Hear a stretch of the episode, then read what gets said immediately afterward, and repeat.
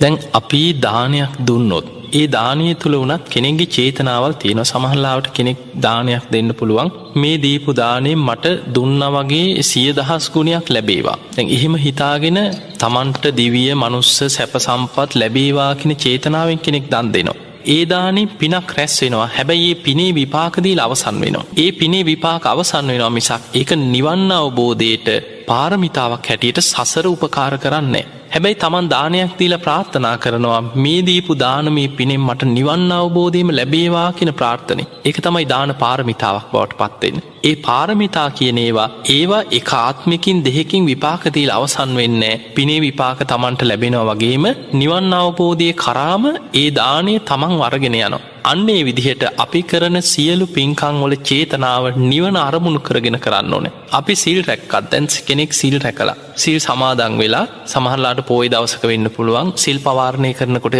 ප්‍රාර්ථනා කරනවා මේ ආරක්ෂාකරපු සීලේ මට නිවන් අවබෝධීම ලැබේවා කියෙන ප්‍රාර්ථනය ඒ තමයි සීල පාරමිතාව තමන් සිල් රැක්කේ එක අරමුණක් තියාගෙන ඒ තමයි නිවන අරමුණු කරගෙන. එහෙම නිවන අරමුණු කරගෙන දානයක් තුන්නත් නිවන අරමුණු කරගෙන සිල්රැක්කත් නිවන අරමුණු කරගෙන භාවනා වැඩුවත් ඒ ගුණ ධර්ම සම්පූර්ණයෙන් පාරමී ධර්ම හැටියට ධර්මාවබෝධයට සකස් වෙනවා. තැ බලන්න දාන සීල නයිස්ක්‍රම්ය නයිස්ක්‍රමය කියන කාමයන් අතහැරි. ඊළඟට ප්‍රඥා වීරිය අපි භාවනා කරන මේ ජීවිතයේ ධර්මාවබෝධය අරමුණු කරගේ. හැබැයි අපේ පින වැඩිලනම් අපේ සසර මේ ඉන්ද්‍රිය ධර්ම වැඩිලනම් මෙලව මාර්ගඵලයක් ලබන්න පුළුව. හැබැයි අපිට බැරිවුණා කියලා ඒ ගත්ත උත්සාහය අහක යන්නේ නෑ. ඒ උත්සාහයේ ඒ නුවන ඒ ප්‍රඥාව ඒක ප්‍රඥා පාරමිතාව හැටියට සසර නිවන්න අවබෝධයට තමන්ගේ සංසාරික නුවනක් හැටියට තමන්ගේ පස්සෙන් එනවා. ඊළඟට වීරිය ධර්මාවබෝධය පිණිස සසර ඇතිකරගන්න වීරිය. කන්ති කන්තිකයන ඉවසීම සත්‍යවාදී බව අධිෂ්ඨානමං කොහමහරි ධර්මාවබෝධය කරයනවා කියෙන අධිෂ්ඨානයෙන් ගන්න උත්සාහය.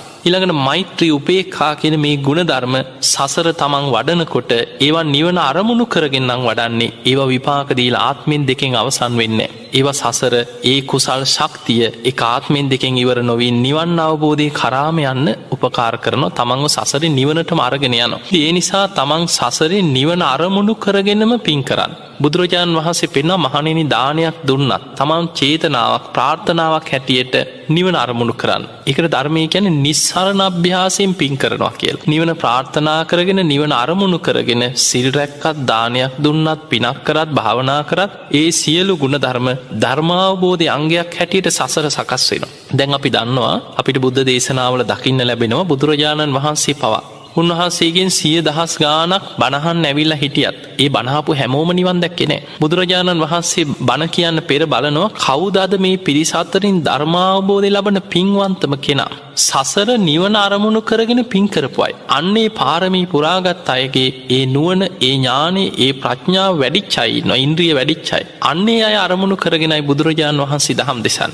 සමහර වෙලාවට කෙනෙක් ඉන්න පුළුවන් එයා බුදුරජාණන් වහන්සේ හොයාගෙන ඇවිල්ල නෑ යොදුන් ගානක් ඇත ඉන්නේ හැබැයි බුදු ඇසිම් බලනවා කවුද ධර්මාවබෝධයට පින තියෙන්නේ කියලා මහා කරුණා සමාපත්තියෙන් බලනවා බුදු කෙනෙක් හැම උදෑසනක ඒ බලනකොට යොදුන් ගානක් ඈත හිටියත් බුදුරජාණන් වහන්සේ සමහර වෙලාවට එයා හොයාගෙන එයා ළඟටම යන අපිට හිතන්න පුළුව මේ බුදුරජාණන් වහන්සේමකොට එයා ළඟට යන් හරිනං එයා එන්නේ පැ බුදු හාමුදුර හොයාගෙන. අන්න එහෙම අපි හිතනවා. හැබැයි බුදුරජාණන් වහන්සේ එයා හොයාගෙන යන්නේ ඒ පුද්ගලයා සසරි බොහෝ කාලයක් ධර්මාවබෝධය අරමුණු කරගෙන සසරි කැපකිරීම් කරපු කෙනෙක් අන්නේ කැපකිරීම නිසා බුදු කෙනෙක් එයා ළඟටම ගිහිල්ලා එයාට ධර්මාවබෝධි ලබල දෙනවා. එනිසා අපිට පේනවා නිවන් අවබෝධය කරායන ගමනක අපි කරන පිනක ප්‍රාර්ථනාවක් හැටියට තියාගන්නවනම් දැ කෙනෙක් හිතන්න පුළුවන් එහෙම නිවන ප්‍රාර්ථනාකරොත් මෙලව සැප අහිමි වෙනවද අන්න එහෙම තියෙනවන් අතකොට අපි මෙලව සැප ප්‍රාර්ථනා කරේ නැත්නම් අපේ දානේ සැපයක් ලැබෙන් නැද්ද. ඒ නිසා කෙනෙක් වැඩිපුර මේ සැප සම්පත් ගැනම හිතාගෙන ඒ ප්‍රාර්ථනාව කරනවා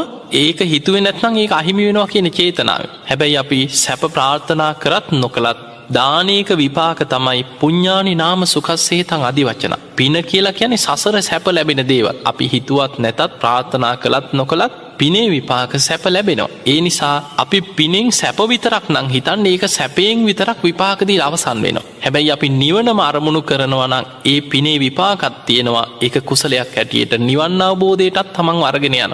ඒ නිසා පිනක් කරනකොට පිනයි කුසලයයි දෙකම රැස්වෙන විදිහට නිස්සරණ අභ්‍යාසයෙන් නිවන අරමුණු කරගෙන පින් කරනවනම් ඒ කරන පින සසර නිවන් අවබෝධය කරාම තමන් අරගෙන යනවා.